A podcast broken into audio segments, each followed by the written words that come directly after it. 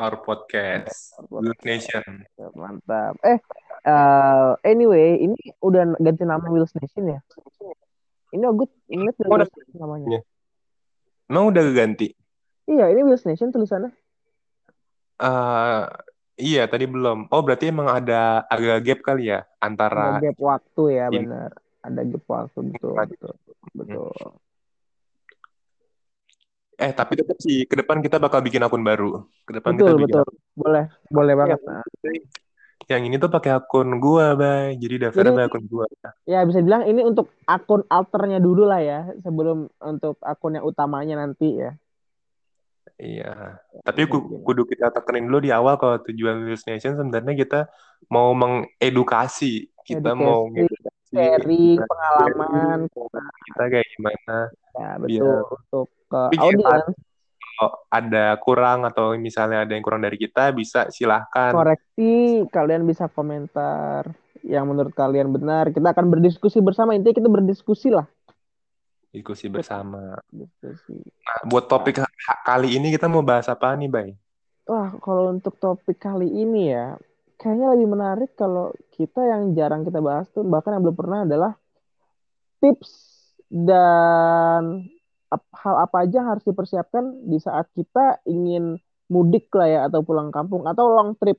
Dan Trip, sama road trip. ya. Dan sama eh, sign-sign atau etika berkendara di jalan raya sama kodenya itu seperti apa aja. Kayak lampu sen atau klakson. Itu kan ada etika-etikanya juga kan. Nah, itu yang kayak bakal kita bahas ke depan di episode kali ini. Nah, ini menarik banget sih. Karena jarang ada nih yang ngebahas soal uh, etika berkendara atau kode-kode rambu-rambu kalau kita keluar kota. Ada yang bilang loh baik ini, gimana tuh berkendara di dalam kota itu beda nggak kayak berkendara di luar kota. Nah, nanti kita jelasin perbedaannya di podcast ini, baik. betul ntar kita jelasin Gitu. Berarti mungkin ini dari kita awal-awal tuh dari persiapan sebelum berangkat ya. Persiapan ya sebelum berangkat persiapan tuh sebelum berangkat tuh pasti normal nggak sih, Bay? Kayak cek tekanan angin, terus instrumen, instrumen cluster. normal sama yang penting bensin ya. Nggak lucu ntar nggak lucu aja gitu bensinnya habis tengah jalan tapi nggak ada indikatornya rusak. Sabi, bensin, tekanan angin, instrumen cluster, pokoknya lampu-lampu harus nyala semua, ya mobil pokoknya. kendaraannya prima tuh Ah. fit. heeh. harus sehat. Jangan lupa dongkrak, ban serep, itu semua harus ada dan bisa berfungsi.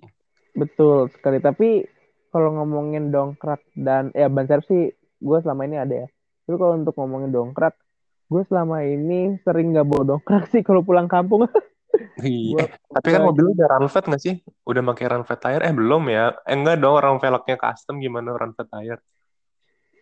Ih, yang mana tuh Yang yang boxer. 300 m iya iya sih ya Nggak mungkin. Tapi gini, Bay, biasanya, Bay. Ini kalau kita ada perbedaan sih antara kalau pulang kampungnya lewat jalan tol sama lewat jalan raya biasa. Ini Hmm. beda, karena kalau lewat jalan tol ngerasa nggak sih lewat jalan tol tuh lebih ya gitu-gitu aja, lebih kalem, stay mobilnya. Iya. Tapi kalau misalnya ini road tripnya agak ke jalan yang jalan raya, jalan yang pegunungan, apalagi malam-malam, itu berkendaranya harus pakai sign sign tertentu. betul lampu jauh lah apa Mm-mm, di sini kita mau bahas. Hmm. Jadi gini, Bay, dan semuanya ya, antara kita berkendara di dalam kota sama di luar kota itu beda. Mau di tol, mau di raya itu beda. Misalnya di tol, kalian tol di dalam kota, ada contohnya sama kalian tol di luar kota, itu lari 120 di luar kota aja kayak biasa loh, kayak ya ya udah nih pelan 120. di dalam tol mobil ya lain, heeh, jalan tol antar kota, eh, ya antar kota sih. Beda kalau di jalan tol dalam kota yang cuma 80 udah kerasa kenceng, 100 kerasa kenceng banget. Nah, di sini perbedaannya kalau jalan tol. Tapi yang mau kita tekenin nih lebih ke ini bay di sini. Banyak kok sekarang tuh yang atau enggak nabrak atau enggak mereka maksain mereka tuh supir dalam kota, mereka tuh orang-orang yang biasa bawa mobil dalam kota, tapi misalnya mereka nih mau road trip nih keluar kota, mereka mau road trip keluar kota, di situ kagok mereka karena ada beberapa etika atau kode-kode yang seharusnya tuh siapa pengendara tahu ada kode-kode ini. Sedangkan mereka nih bisa bawa mobil dalam kota itu nggak tahu. Contoh ya, ini ada orang 17 tahun dan mereka tuh selama dua tahun terakhir sampai umur 19 tahun bawa mobil dalam kota terus. Sekali waktu mereka mau road trip sama teman-temannya ke daerah misalnya dari Jakarta ke daerah selatan Gombong yang jalannya dominan tuh agak eh, lika-liku lewat gunung dan nggak ada tol di situ. Nah, ini kita mau sharing di sini tipsnya. Gimana cara kalian jalan keluar kota tapi kalian tuh aman. Dalam arti aman tuh kalian bisa minimalisir resiko uh, resiko kecelakaan itu dengan kode-kode atau komunikasi dari setiap mobil. Oke. Ini menarik nih, Bay. Menarik untuk dibahas. Kayak kita manusia sih. Kita manusia, setiap orang pasti butuh komunikasi. Dan layaknya mobil, apalagi kalau malam, itu setiap mobil butuh ngasih komunikasi kan ke mobil depan atau mobil belakangnya supaya hmm. antara mobil depan atau belakang tuh tahu mereka di posisi mana dan pergerakan mobil tuh mau ke arah mana. Apa yang ada di depan kita nggak tahu, tapi yeah. apa yang ada di depan bisa dikasih tahu oleh mobil depannya. Hmm. Ini yang menarik. Contohnya yang paling sering dipakai itu pakai kode sen. Kode sen. Kalau kalian pernah dengar kode-kode di sini. Contohnya gini, Bay, jadi jadi gue tuh bay dari gue SD, dari gue kecil ya, itu kan kampung gue di Jogja. Hmm. Nah gue tuh ke Jogja dari sebelum ada tol sampai sekarang udah ada tol. Tiap tahun gue pulang kampung, itu gue ngerasain bay perbedaannya apa sih dari lewat jalan tol sama lewat jalan biasa. Dan kebetulan rata-rata tuh gue nyewa supir yang X travel. Hmm. Ya setiap travel itu lebih berpengalaman lah ya. Dan gue duduknya selalu di depan tuh bay biasanya sebelah supir. Nah yang gue mau bahas tuh yang gue bay dari supirnya itu agak aneh. Karena tuh uh, setiap mereka nyupir itu tangannya gatel banget sih kayak ngesen kanan, ngesen kiri, ngasih hazard, ngasih lampu. Mm, Terus mm, mm, ini supir ada apa sih? Tersebut ya. Di balik yang dia lakukan tersebut ada makna tersendiri ya. Iya. Jadi di balik dia ngasih lampu ngesen klakson segala macem yang gue bingung kok. Berisik banget sih mobilnya. Ternyata dia tuh lagi berkomunikasi antara mobil depan mobil belakang. Mereka semua saling komunikasi pakai sen-sen itu. Ini keren banget sih. Mantap sih ini sumpah. Keren. Nah jadi awalnya ini sejarahnya ada kode-kode sen itu dari supir bis atau enggak dari supir travel di mana mereka semua uh, saling mau ngasih tahu apa yang terjadi depan mobil mereka masing-masing. Contohnya gini, baik. Simpelnya gini ya. Kita mau nyalip mobil. Nah, tapi karena jalannya malam, misalnya lu mau nyalip mobil nih, baik. Mau nyalip truk ya, truk-truk gede. Tapi karena jalannya malam dan gelap, otomatis di depan nggak kelihatan dong. Di depan nggak yeah. kelihatan ada apa. Nah, tujuan mobil yang pertama itu ngasih tahu di depan ini ada mobil lain atau enggak. Jadi Dengan begitu cara... mobil depan nyalip, uh. gini caranya baik. Begitu mobil depan nyalip, mereka ngambil kanan, sennya tuh harus tetap ke kanan. Jadi selama sen itu ke kanan, mobil belakang bisa tahu kalau ini lampu hijau nih, lampu hijau di depan kosong nggak ada obstacle. Dalam okay. arti mobil belakang bisa tailgate. Bisa, tailgate. Tailgate tuh ngekor ya, bisa ngikut ngekor. Karena okay. ada ruangnya, ada space. Nah, yeah. paling simpelnya kayak gitu. Dan begitu mobil depan sen kiri, misalnya nyalip gitu kan, terus sen kiri. Itu artinya di depan ada obstacle. Ada bis yang atau ada truk. Ini yang disalip sama mobil belakang yang ngasih sen ini. Gimana, gimana? Uh, tadi kan kamu bilang uh, yang mobil belakang nih mau nyalip gitu ya? Ya kan? Mobil belakang mau nyalip truk misalnya nih, ada nah, truk, nah, mobil yang, mau nyalip truk. Oke, okay. yang nyalain sen kirinya itu si truknya atau si mobil yang mau nyalip? Si mobil yang mau nyalip.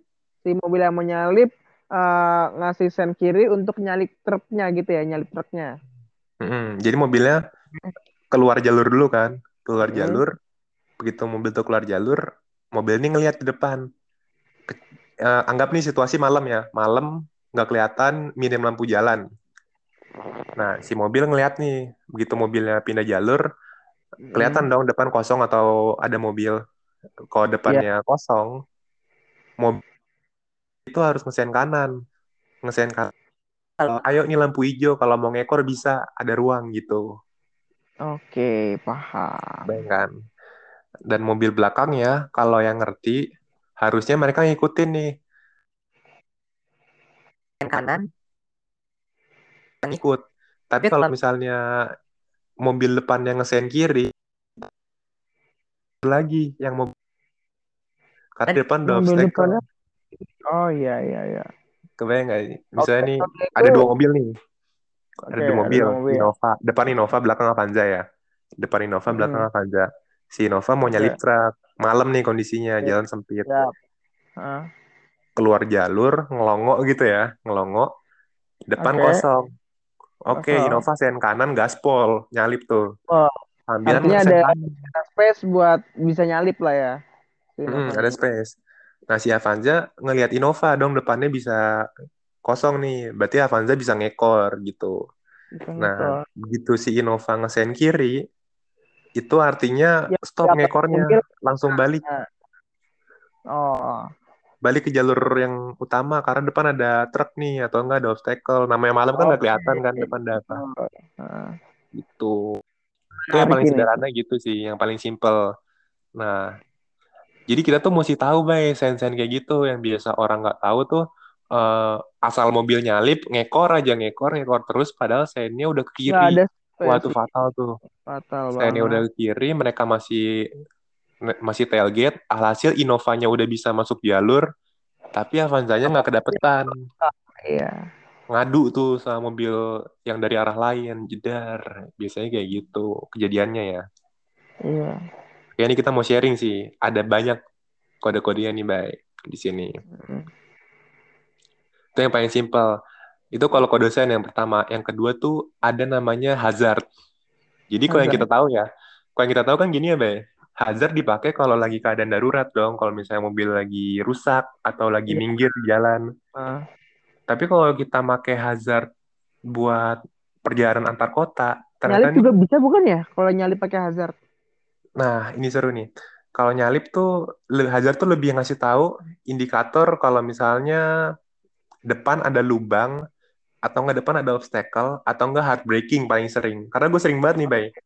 Gue lagi uh, nyetir, eh gue di sebelah kanan supir travel itu, Hmm. terus mobil depan tuh tahu-tahu hard braking, ngeremnya dadakan.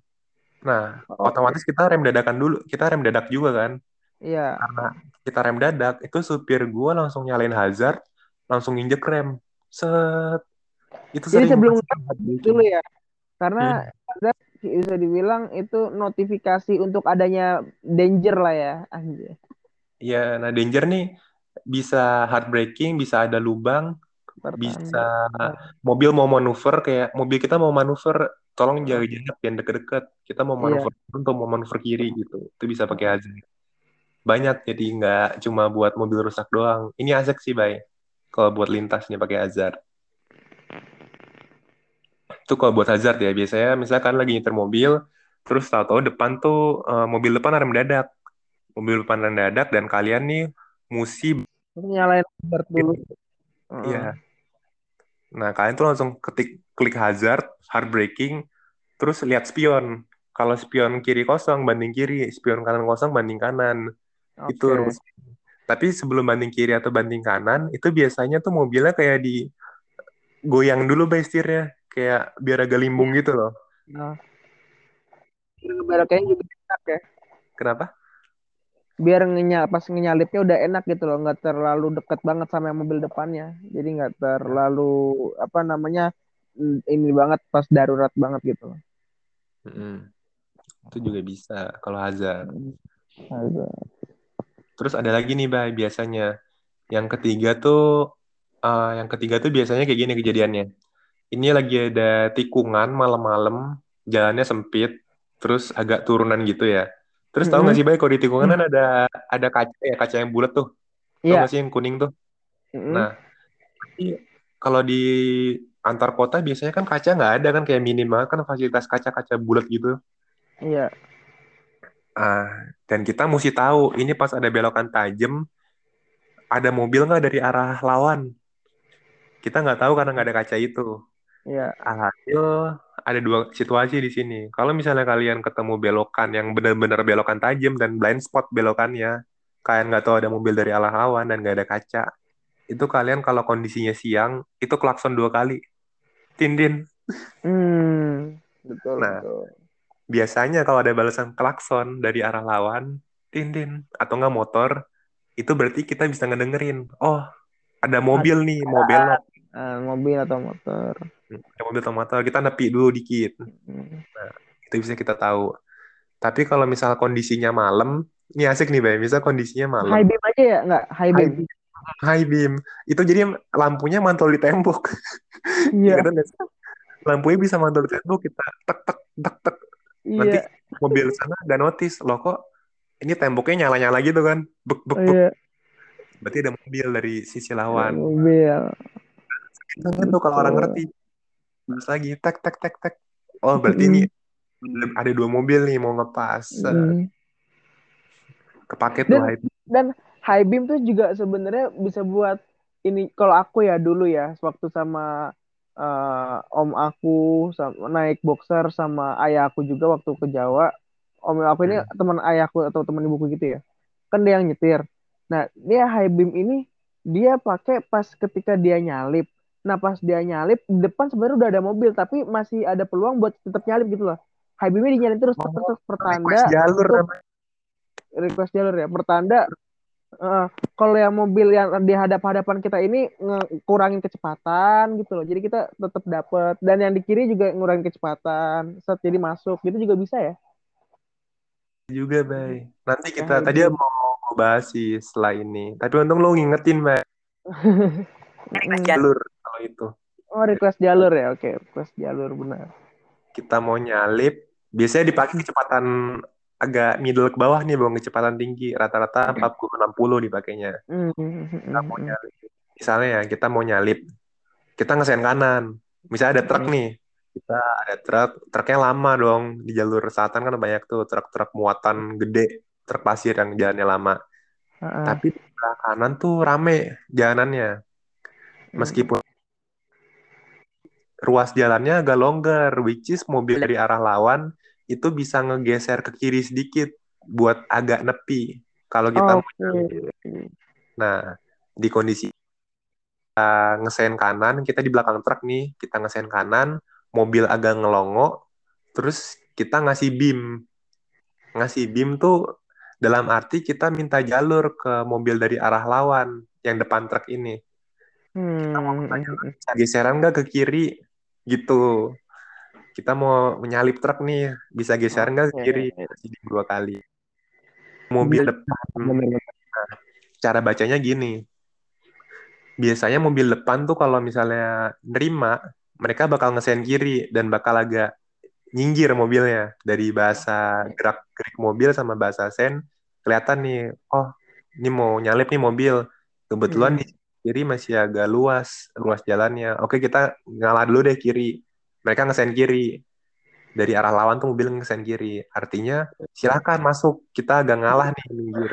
Iya, ah, minggir supaya kita ada space buat ngelos gitu ya. Set. Nah, tapi kalau misalnya mobil itu nggak ngasih, bakal di sen kanan dan di high beam balik. Oke. Biasanya gitu. Misalnya, ah, tanggung. Ya, misalnya, ah, tanggung ah. Gue sen kanan, kita di high beam lagi sama mobil dari arah lawan. Tandanya, oh, ini mobil nggak ngasih nih. Berarti kita tunggu dulu. Oke. Nah, fungsinya gini, Bay, enaknya. Daripada kita langsung nyalip gaspol, terus mobil depan dari arah lawan nggak tahu kan. Lah, kok tahu-tahu langsung gaspol aja nih. Kan kita takut kan. Mending Iya. kita request dulu kan lebih sopan jatuhnya. Kita Iya, send betul. kita request, be- begitu mereka lampu hijau baru kita masuk. Di situ enak. Itu bisa juga. Seru tuh, seru tuh. Asik ya. Kalau sebenarnya.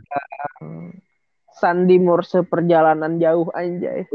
Bisa. Nama judulnya nanti Sandi Morse Perjalanan Jauh.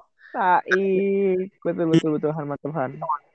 Ini dari supir bis tahu supir bis, supir travel. Kalau kalian bisa lihat ya, supir bis itu kadang dua bis konvoy. Tapi mereka tuh konvoy ngebut dan nempel kondisi bisnya. Ngebut mantep tuh. Dan ternyata setelah gue analisa lagi, oh mereka tuh berani bisa nempel, bisa ngebut, karena mereka bisa komunikasi supir satu sama supir depan tuh kayak punya bahasa sendiri. Masuk. Sendiri, benar. Luar, awas ada lawan. Kita emergency break, wah itu enak tuh. Gitu. Gokil sih. Terus yang kelima nih, Bay. Situasi kelima. Apa Misalnya kan uh, masih baru di kota, mau hmm. keluar kota. Dan namanya jalan di lintas selatan atau enggak jalan yang belum ada tolnya itu banyak kok. Truk atau bis yang jalannya tuh pelan. Dalam arti kalian harus banyak nyalip di situ. Mm-hmm. pernah nggak kamu ke suatu tempat di daerah mana aja dan misalnya mau road trip atau mau wisata tapi nggak ada tol ke sana. Atau enggak tolnya tuh nggak nyampe tujuan. Buat tujuan itu kamu harus lewatin jalan yang biasa. Dan kondisi dan biasanya tuh agak agak rusak. lampu agak rusak. Dan nggak tahu medannya kayak gimana naik turun oh. iya ya. nah di sini baik kalau kita nggak tahu medannya kayak gimana dan kita ngeliat di depan ada level kita bisa manfaatin tuh kendaraan di depan contohnya gini Gimana? Jalan, kayak tadi yang aku bilang. Kita jalan, kita nggak tahu medannya, gelap, nggak ada lampu jalan, jalanannya rusak, dan sempit. Nah, misalnya kalian lihat travel atau nggak kalian lihat mobil di depan yang sekiranya mobil itu tuh udah pelat penduduk asli sana. Biasanya tuh hmm. misalnya lu di Purworejo atau nggak di Purwokerto, pakai yeah. dong Nah, berarti ini tahu nih mobil depan berarti ini orang sini. Kayak gitu, udah tahu kan, udah ngerti medannya. Iya. Yeah. Dengan kita plat B, Jakarta. Nah, kita bisa request, tolong arahin. Tolong arahin gini, baik contohnya. Gimana Tuhan? Ada dua mobil. Mobil misalnya pakai Avanza. Nah, mobil di depan tuh mobil Innova. Ini mobil Innova tuh plat R, dalam arti mereka penduduk asli. Sedangkan mobil kita plat B. Kita pen, kita pendatang dari Jakarta. Dan kita nggak tahu medannya kayak gimana. Kalau kita nemu mobil atau travel atau bis yang sekiranya udah paham medannya kita bisa baca dari pergerakan mobilnya. Misalnya mobilnya tuh udah ngasih-ngasih sen udah bisa kode sen nih wah kanan kiri terus toto nyalain hazard atau enggak ngasih lampu terus pergerakannya tuh agak agak lincah gitu kita bisa ngelihat oh nih orang berarti udah mobil depan nih mobil Innova depan itu udah ngerti nih medan di sini. Nah, kita bisa request tailgate, bay. Kita bisa request tolong arahin. Jadi gini ceritanya. Gimana tuh? Ada bis ya, bis malam tuh yang gede. Nah, hmm. Lampu aja bisnya. Kita ngelongok bentar dan kita dari belakang kita kasih lampu dua kali. Tek tek. Nah, di sini bakal ngeliat spion kan kelihatan ya kalau misalnya di spion ya. tengah tuh atau di spion kayak gitu silo-silo ya? kan kayak apa sih belakang ngasih lampu silo banget. Uh. Nah, bis tuh bakal bakal notice dia, oh belakang nih mobil nih, berarti mobil belakang itu minta tolong mau tailgate, request tailgate. Hmm. Nah, kita tailgate tuh ngekor, request mau ngekor oh. karena ya. Oke, diarahin deh sama bis ini nanti. Kayak misalnya bis yang ngesen kanan, kita ikut yang kanan. Ntar bisa kiri kita ikut kiri lagi. Nah hmm. terus mau nyalip diarahin. Yuk nyalip yuk kosong nih kosong. Set kita masuk. Asik ya. Enak kayak gitu lebih asik. Gila gitu, bener. Profesional banget. Enak baik mantap sih. Intermezzo sedikit nih ya kalau berbicara mengenai nyalain high beam gitu cekrek cekrek gitu kan yang mantul dari kaca spion tengah itu kalau di Jepang apalagi di Wangan itu lu nandainnya tandanya lu ngajak balap. Iya. Kanjozoku ya. Kanjozoku Street Osaka Wangan ngajak balap. Beda kasus. Kalau di Jepang ngajak balap, kalau di Indonesia hmm. kita malah ngajak barengan, ngajak barengan. Ajak tandem kan. Keren. Bisa. Iya sih. Lagi Tapi nih, ya. Kenapa? Kenapa kenapa? Enggak kenapa? Jadi ada lagi. Kalau tadi kan kita kan bicara tuh kalau misalnya la- lagi di jalan yang tikungan atau enggak lagi di jalan gede yang dua arah lah. Jadi jalannya tuh kontraflow gitu. Satu arah Hmm. sana, satu lagi arah sebaliknya. Hmm, Nah, hmm. sekarang kita udah mulai nih kalau ketemu persimpangan atau enggak ketemu zebra cross yang di mana tuh ada penyeberangan di situ. Mau motor nyebrang jalan atau mau ada uh, orang mau nyebrang. Nah, kita butuh ngasih tahu mo- mobil di belakang supaya jangan nyalip mobil kita karena ada orang nyebrang di depan. Gitu. Hmm. Lagi kodenya. Misalnya kalian lagi nyetir mobil, set, terus di depan tahu-tahu ada orang mau nyebrang atau enggak ada motor mau nyebrang. Waduh.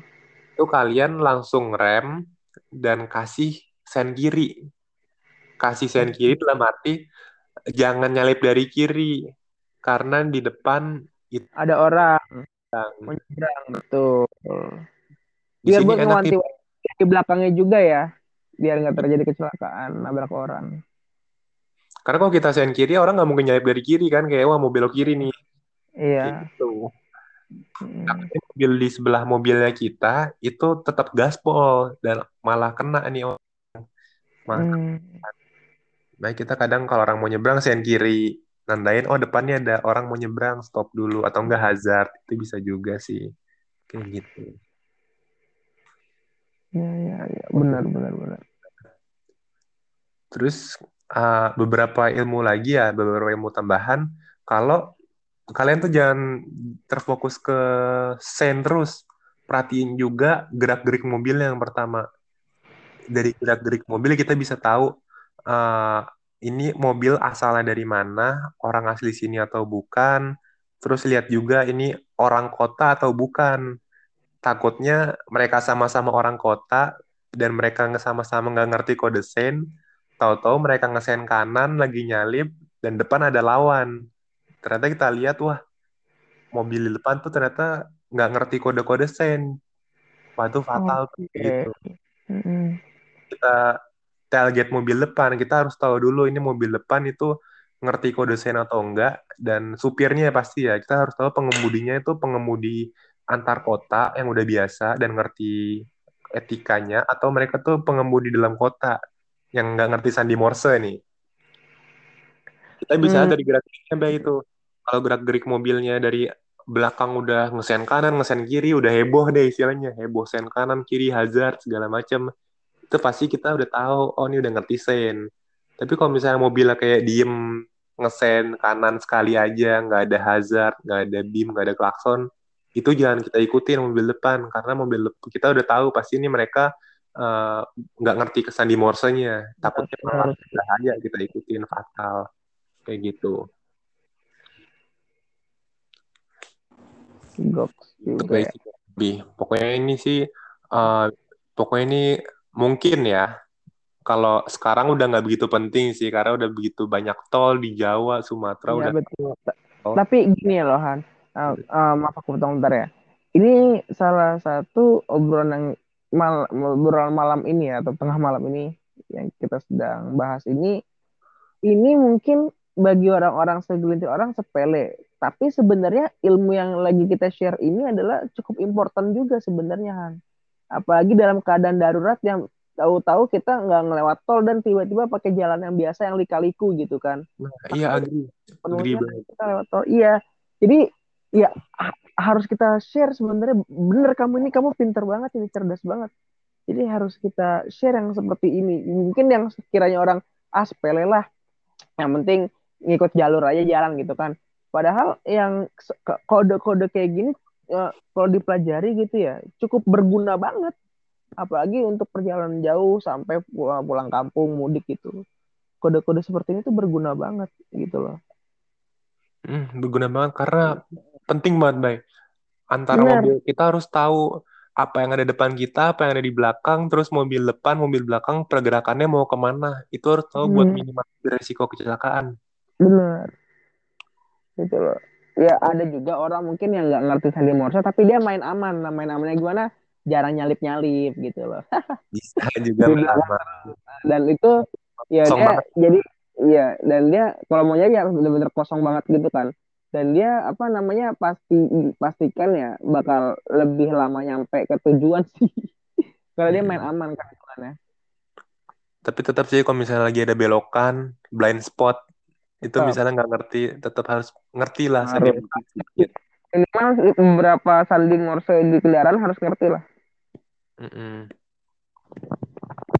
Bisa kayak gitu. Ya kurang lebih seperti itulah kalau misalnya kalian mau keluar kota atau tiba-tiba lagi di tol dan terpaksa kayak tadi ya, Bay, ya harus terpaksa keluar tol lewat jalan biasa dan nggak ada nggak ada sinyal nih mapsnya. Biasanya nggak ada sinyal. Nah, itu paling enak banget kalian ngerti sandi-sandi Morse dasar kayak gini. Sebenarnya yang kompleks nanti ada lagi sih. Yang kompleks tuh biasanya dipakai sama commander. Jadi ada commander, satu lagi tuh ada tailgate yang ngekor. Gitu, baik. Kalau Hmm. tadi tuh aku bicara buat yang ngekor doang. Tapi ada lagi, kalau kita tuh posisi mobilnya jadi yang ngarahin. Jadi yang ngarahin mobil belakang. Nanti beda-beda lagi serinya. Tapi mungkin ini yang dasarnya dulu. Ini yang dasarnya dulu. Seenggaknya kalian tahu soal hazard, belokan yang blind spot, atau enggak mobil depan ngasih hazard. Kalian udah, wah ini mobil depan kenapa nih? Udah bisa antisipasi. Oh pasti ada lubang atau enggak mau manuver, buang kanan, buang kiri. Itu kalian bisa lihat dari situ. Hmm. Gitu. Mantap. Jadi ini bisa bilang ini yang kode-kode basic dulu lah ya. Mungkin the next episode kita akan lebih bahas yang lebih advance lah ya Han. Bisa. Nanti kita bahas yang lebih advance. Atau kita datengin supir travelnya langsung kali ya. Itu boleh kalau misalkan eh, ini apa namanya ada kesempatan lain nanti kita undang di podcast kita berikutnya. Siap. Jadi itu ha- kayak podcast hari ini kayak selipan aja ya, Bay ya. Selipan dan Iya. podcast yang utama nanti kita tetap bahas mobil sih kayak E28. Kita undang teman-teman kita besok ada dokter klasik, ada dari Dantik Garage juga Nanti bakal garage, sini. betul. Pokoknya kalian stay tune terus ya, bakal nanti ada yang menarik-menarik pokoknya. Oke. Kita sharing ilmu aja. Oh iya, bisa koreksi juga kalau misalnya ada yang pengen nanya lebih lanjut, ada Dan yang ada pengen nambah. Heeh, bener. Kalian Bisa bisa, DM.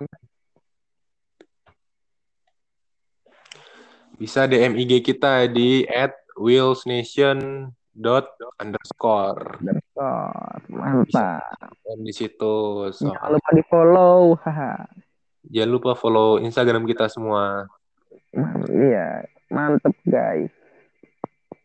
Siap. Jadi- Kesimpulannya adalah sandi Morse yang basic yang lagi kita bicarakan ini meskipun terlihat sepele tapi itu cukup penting bagi kita pelajari ya. Untuk pulang kampung, untuk mudik karena itu pasti bakal berguna sekali gitu loh. bisa Nah, mantap lah kalau gitu. Kita akhiri nih Bay sesi podcast kita. Terus jangan Iya. lupa buat Kita- nonton episode selanjutnya karena bakal keren banget sih ini cuma selipan episode Ini- selanjutnya kita bakal ya. Ngebahas kita bakal datengin orang nih dari dokter klasik Wih, dia tuh anak FK ya Bay ya dia tuh anak FK calon dokter yang pecinta mobil klasik juga Iya, filosofi dari situ. Seorang calon dokter yang suka mobil klasik. Dan ada lagi Arkan. Nah, itu sebenarnya Arkan dan dokter klasik bisa dibilang eh, 11-12 lah ya. iya Heeh, Sama kayak gitu. Mantap sih.